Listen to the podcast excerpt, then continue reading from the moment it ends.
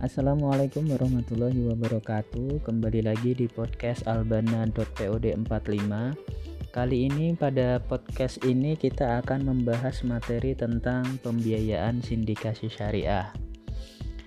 Langsung saja kita mulai dengan definisinya.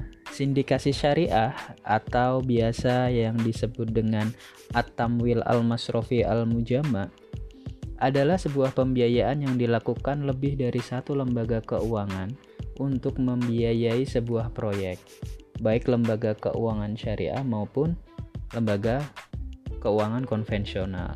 Dengan dana proyek sebesar itu, otomatis tidak mungkin hanya bisa dilakukan oleh satu bank saja.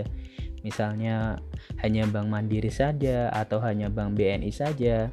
Sindikasi itu terjadi jika sebuah bank tidak mampu membiayai seluruh modal yang dibutuhkan oleh proyek. Karena banyaknya modal yang dibutuhkan, maka diperlukan beberapa lembaga keuangan untuk sama-sama patungan modal yang kemudian sama-sama membiayai satu proyek yaitu Trans Sumatera itu tadi. Misalnya seperti ini. Pemerintah sedang ingin membangun proyek infrastruktur Trans Sumatera membutuhkan dana sekian triliun, anggaplah mungkin sebesar 200 triliun. Sindikasi syariah itu tidak hanya berbicara tentang eh, apa namanya? kecukupan modal dari sebuah bank untuk membiayai sebuah proyek, tapi di sisi lain adanya pembiayaan sindikasi itu merupakan juga bagian dari diversifikasi portofolio kredit atau pembiayaan. Kenapa diperlukan adanya diversifikasi ini? Karena bisa dipastikan proyek yang sangat besar itu pasti memiliki risiko yang sangat besar juga. Makanya untuk meminimalisir risiko kredit dan likuiditas berupa non-performing financing atau non-performing loan, bank biasanya bersindikasi untuk membiayai secara bersama-sama sebuah proyek kita bisa bayangin kan, misalnya seberapa besar risiko yang ditanggung jika sebuah bank mendanai mega, mega proyek dengan modalnya sendiri. Bisa-bisa sekali proyek tersebut gagal bayar, e, misalnya Bank Mandiri membiayai Trans Sumatera sendiri, dan ternyata pemerintah e, ada kendala dalam hal pembayaran atau dalam hal e, likuiditasnya, otomatis dampak risiko terbesar akan mengalir kepada Bank Mandiri itu sebagai pemodal utama. Nah, makanya untuk meminimalisir risiko non-performing financing dan loan itu, alangkah baiknya ketika ada mega proyek, maka tidak hanya dibiayai oleh satu bank. Pada pembiayaan sindikasi, itu boleh dilakukan antara bank syariah dengan syariah. Boleh juga konvensional dengan konvensional. Tetapi untuk bank syariah dan bank konvensional itu ada perdebatan di dalamnya. Menurut AAOIV itu diperbolehkan sindikasi antara bank syariah dan bank konvensional selama mengikuti aturan dari syariah. Tapi ada beberapa ulama lain yang berpendapat bahwasanya sindikasi syariah itu hanya boleh dilakukan ke sesama perbankan syariah, tidak boleh antara bank syariah dengan bank konvensional. Jadi, anggota sindikasi misalnya proyek Trans Sumatera itu tadi dibiayai oleh 10 bank, maka 10 bank itu harus semuanya berlabel syariah. Nah, ada ulama juga yang membolehkan bahwasanya dari 10 bank itu mungkin 8-nya syariah, dua konvensional. Itu juga ada ulama yang memperbolehkan. Nah, pada bagian ini masih terjadi ikhtilaf. Kemudian selanjutnya di dalam pembiayaan sindikasi sendiri itu terdapat tiga unsur. Yang pertama ada namanya lead syndication. Yang kedua ada namanya club deal dan yang ketiga ada namanya sub syndication. Lead syndication itu apa? Lead syndication adalah salah satu bank menjadi leader dari sindikasi itu sendiri. Misalnya eh, sindikasi dilakukan oleh 10 bank, maka salah satu dari 10 bank tersebut menjadi leadernya.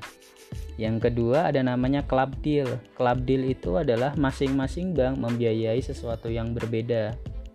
Misalnya eh, tadi kita contohkan pembangunan Trans Sumatera dibiayai oleh 10 bank. Maka Bank A sebagai klub deal, Bank A membiayai pengadaan pasirnya, Bank B membiayai tenaga kerjanya, Bank C membiayai. Nah, itu uh, di apa namanya yang terjadi di dalam club deal seperti itu. Masing-masing bank membiayai sesuatu yang berbeda pada proyek tersebut. Kemudian unsur yang ketiga ada namanya subsyndication. Subsyndication adalah salah satu dari bank peserta indikasi tersebut itu bersindikasi dengan bank yang lain. Misalnya bank A menjadi salah satu peserta sindikasi, tapi di belakang bank A itu ada tiga bank yang lain yang juga e, ikut bersindikasi. Nah, itu yang disebut dengan subsyndication.